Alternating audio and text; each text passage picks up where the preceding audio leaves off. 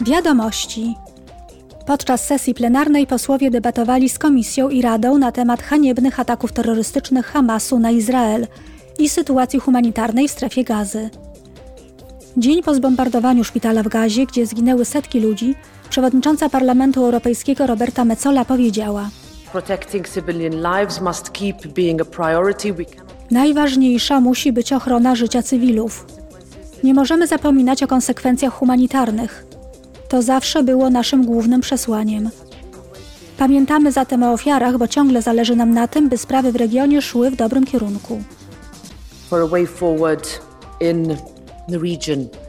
Przewodnicząca Komisji Ursula von der Leyen powiedziała.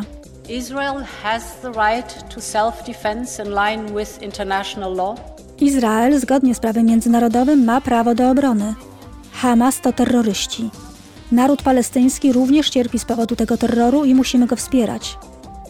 I nie ma sprzeczności między solidarnością z Izraelem i działaniem na rzecz zaspokojenia humanitarnych potrzeb narodu palestyńskiego. And acting on the humanitarian needs of the Palestinian people. Również wczoraj na posiedzeniu plenarnym parlamentu gościli komisarz Thierry Breton i minister Hiszpanii do spraw unijnych w imieniu hiszpańskiej prezydencji. Posłowie pytali ich, jak zadbać o to, by platformy internetowe przestrzegały unijnego prawa. Chcą, by przeciwdziałać wzrostowi liczby brutalnych, terrorystycznych i fałszywych treści krążących w mediach społecznościowych.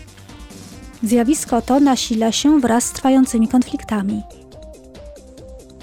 Grecko-niemiecko-brytyjskie konsorcjum dziennikarskie zdobyło nagrodę imienia Dafne Caruany Galicji za 2023 rok za zbadanie katastrofy statku Adriana. Statek zatonął w połowie czerwca u wybrzeży Grecji. Miał na pokładzie ponad 600 migrantów. Dochodzenie prowadził grecki portal śledczy Solomon we współpracy z organizacją Forensis, niemieckim nadawcą publicznym ARD i brytyjską gazetą The Guardian. Dziennikarze zbadali, w jaki sposób doszło do najtragiczniejszej katastrofy statku przewożącego migrantów w najnowszej historii. Doszli do wniosku, że przyczyniły się do niej działania greckiej Straży Przybrzeżnej. Nagroda wyróżnia wybitne dziennikarstwo, które promuje podstawowe zasady i wartości Unii Europejskiej, takie jak prawa człowieka, wolność, demokracja i praworządność i broni ich.